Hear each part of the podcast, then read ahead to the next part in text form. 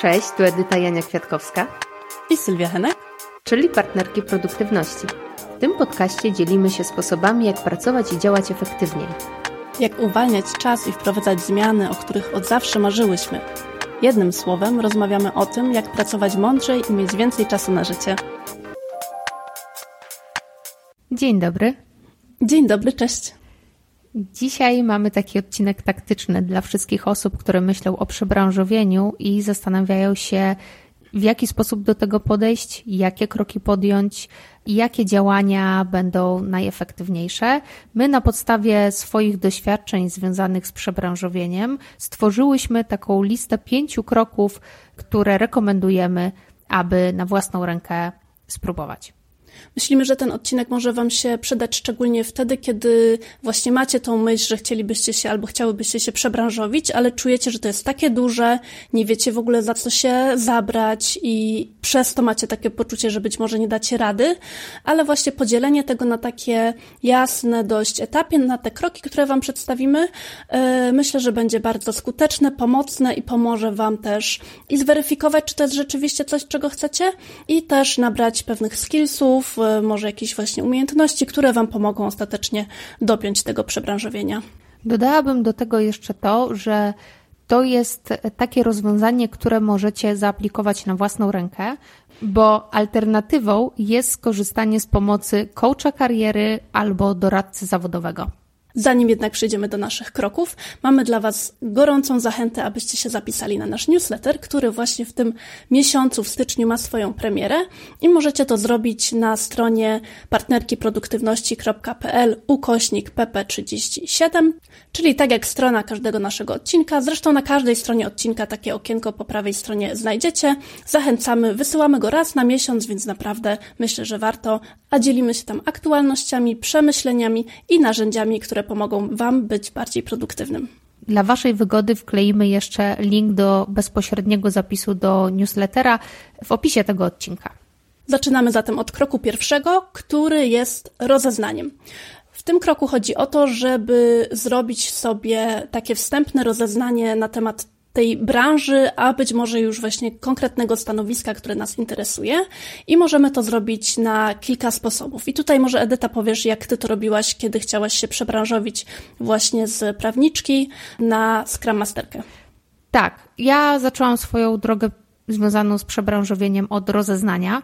Polegało ono na tym, że poszukałam wśród swoich znajomych, ale również wśród znajomych znajomych osób, które aktualnie pracują w danej branży, a najlepiej takich osób, które wykonują ten zawód, który bym chciała lepiej poznać.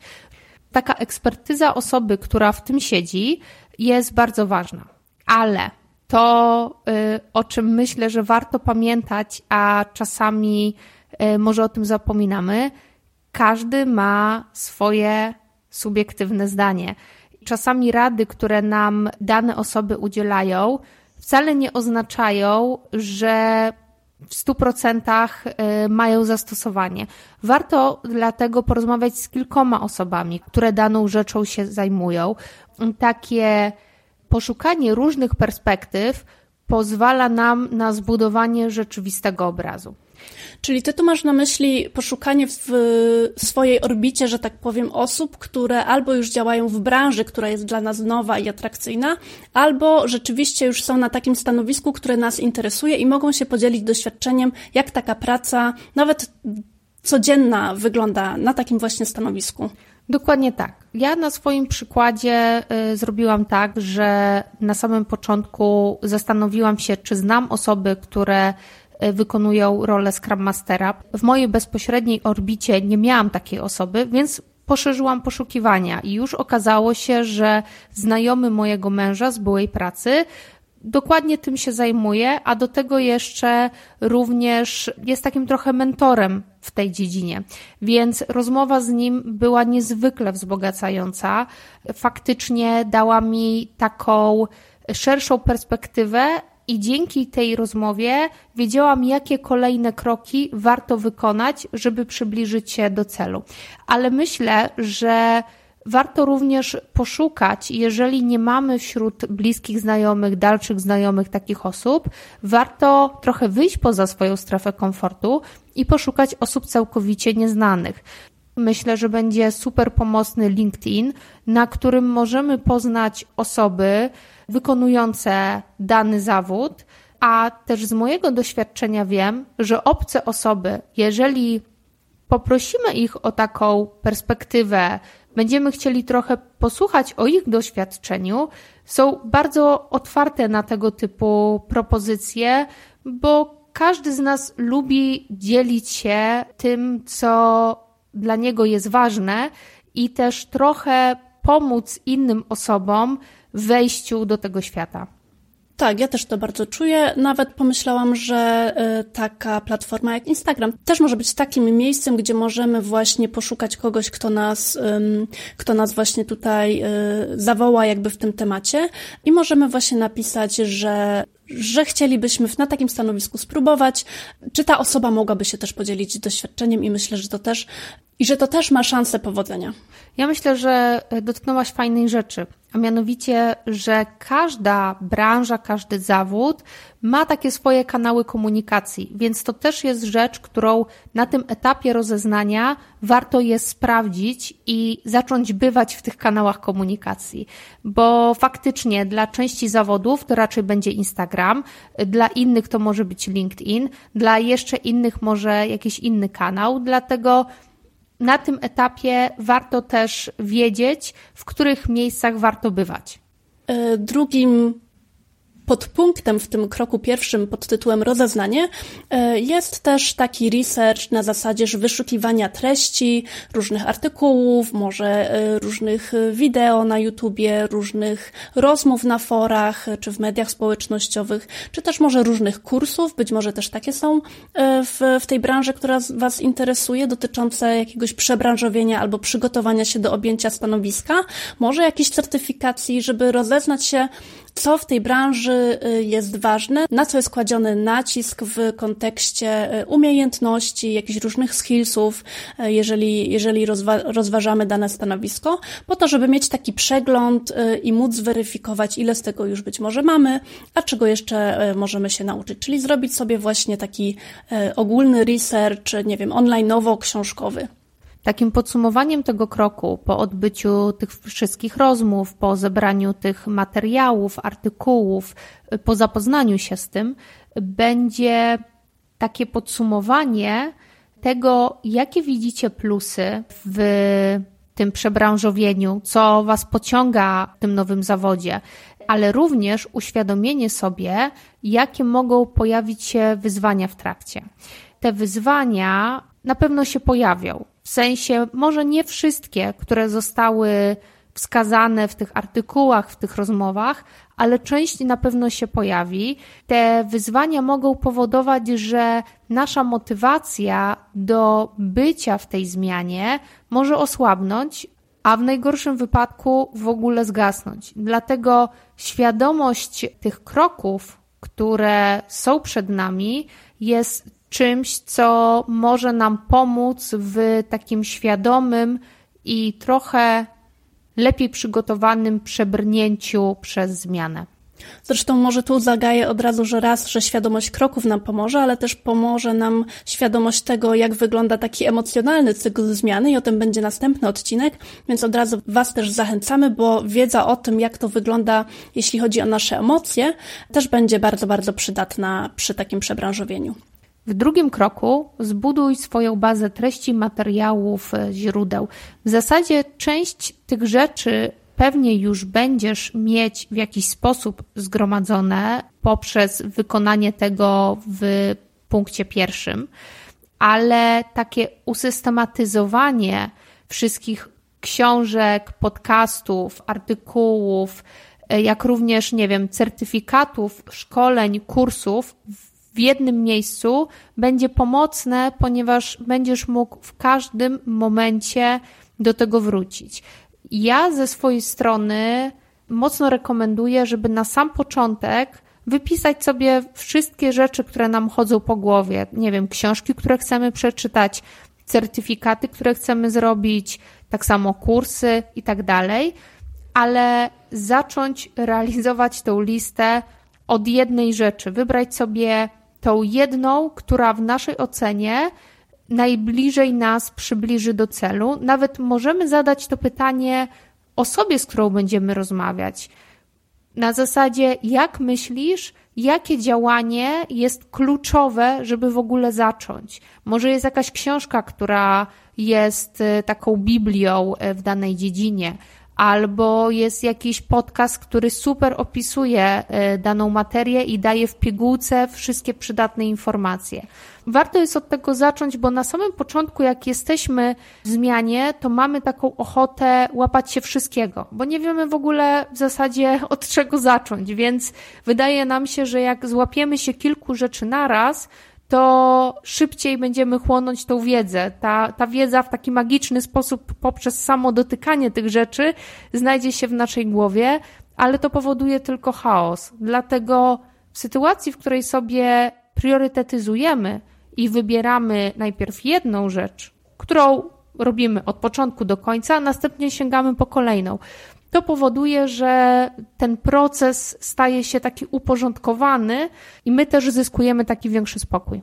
Fajnie, że powiedziałaś o tych priorytetach. Ja sobie myślę, że tutaj fajnie po prostu byłoby sobie oznaczyć te rzeczy na zasadzie must have, bo być może są takie y, elementy, które no naprawdę trzeba wręcz mieć i nice to have i y, skupić się na tym, co musimy mieć, a do tego, co fajnie by było mieć, podejść bardziej na luzie i właśnie nie próbować wszystkiego wcisnąć sobie do głowy i zrobić sobie tam po prostu dużego kociokwiku i pożałować, że w ogóle nam się zachciało jakiegoś przebranżowienia naprawdę skupienie na priorytetach, na tym, co rzeczywiście musi być, co jest konieczne, e, żeby nam to dobrze poszło, to będzie, to będzie dobra strategia. Dodałabym do tego jeszcze, że warto tak w ogóle otaczać się treściami związanymi z tą nową działką, warto zapisać się do newslettera twórcy, który tworzy treści w tej e, materii, która nas interesuje. Warto również zapisać się do różnych e, grup, czy to na Facebooku, czy na innych e, kanałach komunikacji, dzięki którym będziemy mieć bieżący kontakt z tematyką, która nas interesuje. Krokiem trzecim jest opracowanie planu działania, czyli tutaj już przechodzimy do takiego przygotowania się na to, co będzie dalej, przygotowania sobie pracy, przygotowania sobie e, i tej listy rzeczy do, do wykonania, listy rzeczy do przeczytania, odsłuchania, zrobienia certyfikatów i tak dalej. E, chcemy tutaj właśnie stworzyć sobie taki plan, który będziemy mogli krok po kroku sobie odhaczać i wykonywać. I może tutaj być pomocna ta metoda 12-tygodniowego roku, o której opowiadamy w odcinku 26, więc jeśli Wam to brzmi dobrze, ciekawie i pomocnie, to możecie sobie odsłuchać e, odcinek e, na temat tej metody i, i według niej sobie zaplanować przygotowanie do przebranżowienia w takie 12 tygodni. I ta metoda 12-tygodniowego roku może Wam też pomóc w przygotowaniu się do przebranżowienia. Tak, ja w ogóle bym dodała, że y, to, jaką metodę planowania i realizacji tych planów wybierzecie, trochę zależy od Waszego podejścia. Ta metoda 12-tygodniowego y, roku jest bardzo pomocna i warto się temu przyjrzeć i zastanowić się, czy w Waszym przypadku ma zastosowanie. Ja akurat na mój użytek trochę dostosowałam do siebie metodę skramową. Ja pracowałam w takich tygodniowych sprintach, to znaczy, że na początku tygodnia wyznaczałam sobie główny cel, jaki chcę osiągnąć w tym tygodniu. I to nie, to nie miały być jakieś, nie wiem, wielkie cele, ale na przykład y, zupdate'owanie mojego CV. To był mój cel na ten tydzień. Następnie rozpisałam kroki, które mnie doprowadzą do realizacji tego celu, a pod koniec tygodnia robiłam sobie takie podsumowanie. E, czy udało mi się go zrealizować? Jeżeli mi się nie udało, to z czego to wynikało? E, w jaki sposób może powinnam zmienić realizację na przyszły sprint? To podejście skramowe, takie podejście iteracyjne, ono ma te plusy, że cały czas modyfikujemy i weryfikujemy czy te nasze wstępne założenia były słuszne, bo na przykład ja dzięki temu podejściu zmieniałam moje CV chyba trzy albo cztery razy i wynikało to z tego, że w trakcie sprintów uzyskiwałam nowe informacje dotyczące tego, w jaki sposób fajnie byłoby właśnie, żeby to e, CV wyglądało, albo na podstawie rozmów dochodziłam do wniosku, że pracodawcy zwracają uwagę na takie, a nie inne rzeczy, więc podejście iteracyjne pozwala nam na zachowanie takiej e, świeżości i aktualności w tym, jak chcemy zrealizować nasz plan. Możesz jeszcze powiedzieć, czym jest to podejście iteracyjne, bo ja się nie spotkałam z takim, z takim określeniem e, i fajnie byłoby to jakby zrozumieć lepiej. Jasne, bo to jest określenie pochodzące właśnie z metody skramowej. Ono zakłada, że nie robimy planu na jeden długi okres, tylko rozdzielamy to na mniejsze okresy wchodzące w skład tego czasu, który sobie wyznaczamy. Więc jeżeli wymyślimy sobie, że w ciągu pół roku chcemy się przebranżowić, to to całe pół roku będzie się składało z mniejszych okresów. Mo może to być okres tygodniowy, może to być dwutygodniowy, w zależności od tego, jak chcemy się trochę między sobą rozliczać, czyli kiedy chcemy robić to podsumowanie, ile sobie dajemy czasu na realizację jednego celu. I generalnie założenie jest takie, że naszym głównym celem jest znalezienie nowej pracy i przebranżowienie, ale ten cel się składa z kilkunastu mniejszych, które nas małymi krokami doprowadzają do naszego głównego celu. Hmm, myślę, że to jest o tyle też fajna metoda, że tak jak sobie wyobrażam, dużo osób, które mają gdzieś w planach przebranżowienie albo już ma jakąś pracę e, i też ma ograniczony czas, żeby się właśnie e, tym przebranżowieniem tak zająć, jeśli chodzi o działania, jakieś rozmowy i tak dalej.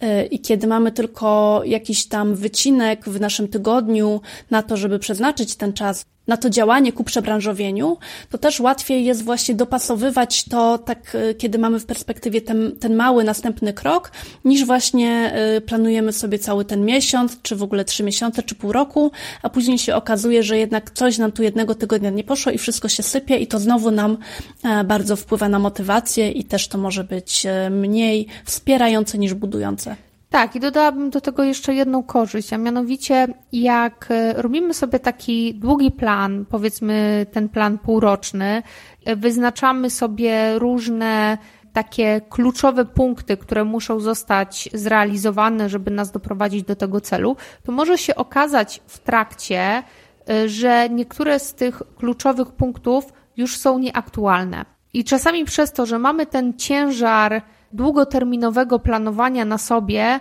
to ciężko jest nam usunąć z listy rzeczy, które już są nieaktualne. A dzięki temu, że mamy te krótsze okresy i pracujemy iteracyjnie, to z końcem każdego sprintu dokonujemy retrospektywy. Zastanawiamy się, czy rzeczy, które mamy na liście są dalej aktualne, czy coś chcemy zmodyfikować, czy coś z niej usunąć. Jest to zdecydowanie bardziej e, elastyczne. E, jeśli chodzi o plan działania, to tutaj jeszcze sobie wypisałyśmy, że pomocny może być też taki tracking wykonanych e, działań, czyli po to, żebyśmy widzieli też progres, nawet wtedy, kiedy nie ma jeszcze konkretnych wyników, czyli kiedy, nie wiem, mamy osiągnąć jakiś kiedy mamy zdobyć jakiś certyfikat, ale zajmie nam to e, dwa miesiące i żebyśmy po miesiącu jednak czuli, e, że, że jakiś progres był i nie stracili tej motywacji, e, to warto sobie właśnie odhaczać, czy przerobione lekcje, czy tego typu właśnie różne działania, które wykonaliśmy, versus odhaczanie takich zdobyczy pod tytułem certyfikat, żeby śledzić te nasze, te nasze kroki, te nasze działania i żeby to nas motywowało. Nawet możemy sobie trakować czas, który poświęcamy na y, przebranżowienie, bo czasami właśnie poprzez przyswajanie różnych treści ciężko jest od razu mieć jakiś rezultat z tym związany. Bo jak przeczytamy książkę, no to będziemy mieć tą wiedzę w głowie, ale nie jesteśmy w stanie tego przełożyć na nic materialnego, co moglibyśmy zapisać w trackerze. Nawet kiedy sobie myślę o takich zapisach na zasadzie przeczytałam jedną książkę, e, to tak wewnętrznie czuję, że bardziej by mi to pomogło, gdybym miała zapisane, że poświęciłam 7 godzin na zapoznanie się z daną lekturą, bo wtedy naprawdę czuć ten ciężar czasu, że tak powiem, e, czuć to, to moje zaangażowanie inaczej, w inny sposób e, i faktycznie faktycznie jak sobie popatrzę, że już tyle czasu e, spędziłam nad tym przebranżowieniu, to w takim gorszym momencie może być też tak, że okaże się, że już jestem naprawdę daleko, e, jest bliżej niż dalej, że będzie to też takie pomocne na taki trudny moment. I tym sposobem przechodzimy do kroku numer cztery, mojego ulubionego, bo to jest poszukiwanie sojuszników i budowanie swojej sieci wsparcia, która ma bardzo istotne znaczenie w trakcie zmiany. Mimo wszystko ciężko jest samemu przejść przez zmianę. Jest wiele momentów wątpliwości, takich momentów, gdy chcemy zrezygnować, więc fajnie jest mieć przy sobie jakąś osobę, która będzie nam szeptać do tego ucha, dasz radę. Może to być partner produktywności albo partnerka produktywności. Mogą to być te poznane osoby, które właśnie na drodze tego przebranżowienia gdzieś się pojawiły w naszym kręgu. Ale całkiem fajnym pomysłem jest też wyszukanie sobie meetupów. Ja do końca nie wiedziałam, czym to jest, dopóki Edyta mi nie powiedziała też, korzystała z takiego mm, sposobu wymiany doświadczeń, wymiany kontaktów. Może powiesz parę słów o tym? Jasne. Ja chodziłam na meetupy, to są takie spotkania organizowane na dany temat. Te meetupy z reguły znajdowałam poprzez aplikację Meetup. Tam wiele y, właśnie grup lokalnych ogłasza się ze swoimi wydarzeniami, które organizują, ale również możecie takie spotkania znaleźć na różnych kanałach komunikacji, czy to na Facebooku, czy też na LinkedInie. Też są y, takie strony, które agregują różne wydarzenia w waszym mieście, więc warto jest poszukać takich spotkań, ponieważ tam można spotkać praktyków, którzy po pierwsze podzielą się z Wami doświadczeniem, ale po drugie mogą być szansą do znalezienia pracy, ponieważ może te osoby będą pracować w miejscu, w którym chcecie pracować, albo może te osoby słyszały o tym, że ktoś szuka pracownika. Więc poszerzanie tej sieci y, kontaktów i dodawanie do niej osób, które siedzą w danej działce, będzie bardzo pomocne. A powiedz jeszcze, ty chodziłaś na te meetupy osobiście, y, tak stacjonarnie, czy też y, znalazłaś coś albo widziałaś, że są takie online? Wydaje mi się, powiem szczerze, y, że tego typu sytuacji, w której chcemy budować z kimś taką trochę też nieformalną relację, lepiej sprawdzają się wydarzenia na żywo. Ja chodziłam tylko na te na żywo, z tego względu, że faktycznie są jakieś rozmowy przy kawie, są takie dłuższe pogawędki, które pozwalają nam na to, żeby powymieniać się swoimi doświadczeniami w taki luźniejszy sposób y, niż y, poprzez kamerkę, no bo ta kamerka zawsze jest y, taką trochę blokadą w luźnej i takiej niezobowiązującej rozmowie. Tak, też tak myślę, więc jeśli tylko macie możliwość y, gdzieś wyskoczyć na taki stacjonarny meetup, to nawet jeśli pada, jeśli jest mróz, to, to warto to zrobić. Natomiast jeśli y, mieszkacie gdzieś z dala od miasta i nie macie takiej, y, takiej opcji, to warto też rozejrzeć się, czy nie ma czegoś podobnego właśnie online, bo myślę sobie, że, że też to jest lepsze niż, niż po prostu machnięcie ręką, że jak, jak nie mam jak dojechać gdzieś tam właśnie do, do jakiegoś większego miasta, gdzie coś takiego jest organizowane, to, to już nie dla mnie. O, zdecydowanie. Tak więc polecamy. Mm, I jeszcze jedną tutaj taką e, wspierającą e, rzeczą może być dołączenie do programu mentoringowego, czyli do takiego zorganizowanego programu, który ma na celu też poprowadzenie nas przez takiego mentora, przez osobę bardziej doświadczoną w danej branży, w danym temacie, na danym stanowisku, e, właśnie jak to, jak to sobie zorganizować, jeśli chodzi o samo przebranżowienie, jak też się dobrze przygotować na E, nowe stanowisko. Tak, jest teraz bardzo dużo różnych programów mentoringowych, więc na pewno znajdziecie ofertę adresowaną e, na Wasze potrzeby. Ja sama korzystałam z programu mentoringowego. Y, akurat y, korzystałam z programu mentoringowego Der IT. Oni prowadzą nabór y, z reguły jakoś tak w połowie roku, okolicy września. Warto jest obserwować ich stronę.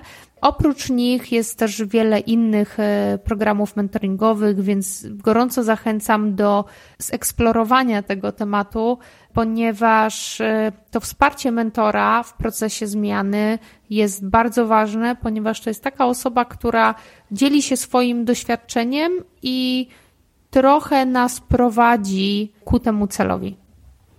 Tak jest. I teraz mamy ostatni krok piąty, czyli fazę taką testów, fazę działania, fazę wychodzenia do świata, już odważniej. I polega ta faza na tym, że wysyłamy CV, wysyłamy swoją ofertę do tych miejsc, które wydają nam się interesujące. Umawiamy się na rozmowy rekrutacyjne. Jest to właśnie taka faza, gdzie już aktywnie zaczynamy tej pracy po prostu szukać. Ważne jest, żeby próbować to jest frazes, ale im więcej prób będziemy mieli ze sobą, tym pewniej będziemy się czuć na kolejnej rozmowie. Dlatego ja bym w ogóle zachęcała do e, wysyłania jak największej e, liczby swoich CV, dochodzenia na jak największą liczbę rozmów.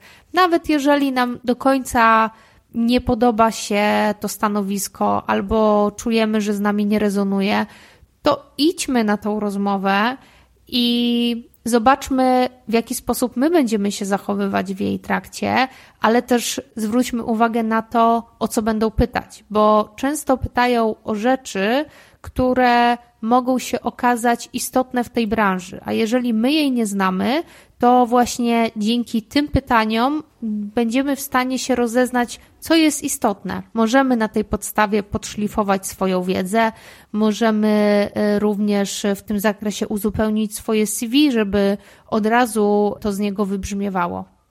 I myślę sobie, że przez takie ćwiczenie mięśnia, chodzenia na rozmowy, yy, można właśnie też pozbyć się tego takiego pierwszego stresu, tego yy, stresu związanego z samym yy, pójściem i rozmową, y, od której zależy trochę nasza przy, przyszłość, więc jest to stresujące.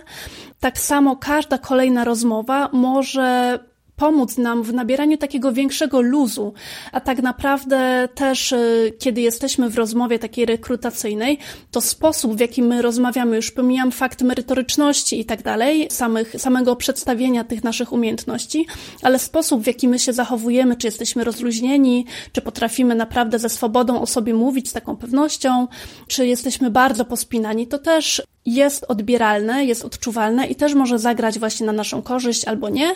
Myślę sobie, że można do tego podejść tak trochę bardziej na lekko niż sobie wyobrażamy i nawet tutaj też uderzać nawet bardziej w ilość tych rozmów i nie wybierać tak, że to nie jest w 99% to, co mnie interesuje, tylko właśnie po to, żeby jakieś nowe, nowe doświadczenie zdobyć, żeby się bardziej osadzić w tej sytuacji rozmowy. Ja w ogóle bym rekomendowała zmianę nastawienia. W sensie nie, nie podchodziłabym do tych rozmów jako do miejsca, w którym muszę koniecznie pracować. Raczej bym podchodziła do tego na zasadzie, to jest test, chcę tylko spróbować, zobaczyć jak mi wyjdzie, bo ta zmiana nastawienia ściąga z nas ten cały ciężar związany z tą zmianą i tą presję, którą często sami sobie nakładamy na barki, żeby sprostać tym naszym wymaganiom i żeby dostać tą pracę marzeń.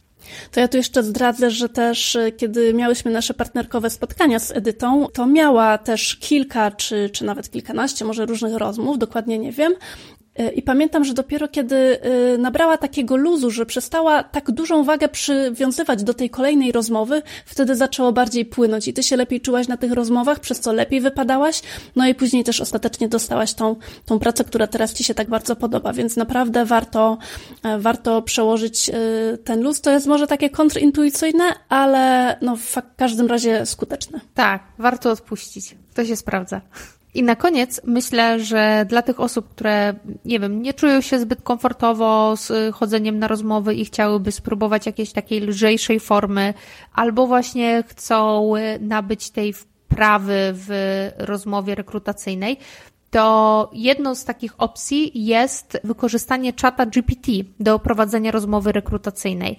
Wystarczy, że krótko nakreślimy mu scenariusz, y, na którym nam zależy, czyli że staramy się o nową pracę, chcielibyśmy taką symulację rozmowy rekrutacyjnej na takie i takie stanowisko.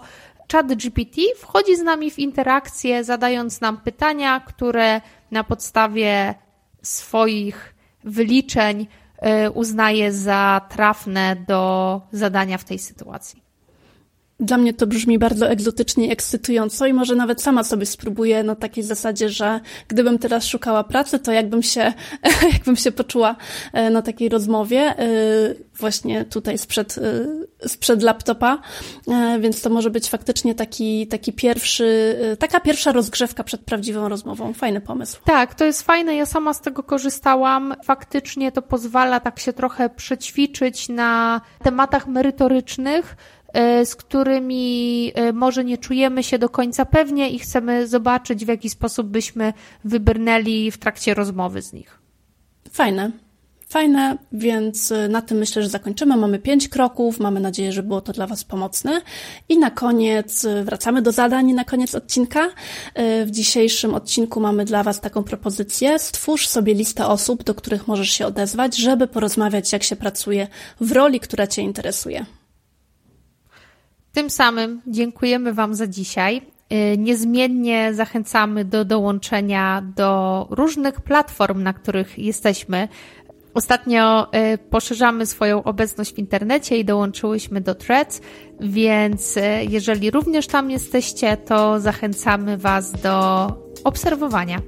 Tak, link też podamy w opisie odcinka, a tymczasem żegnamy się, życzymy Wam wszystkiego dobrego, trzymajcie się, cześć. Cześć.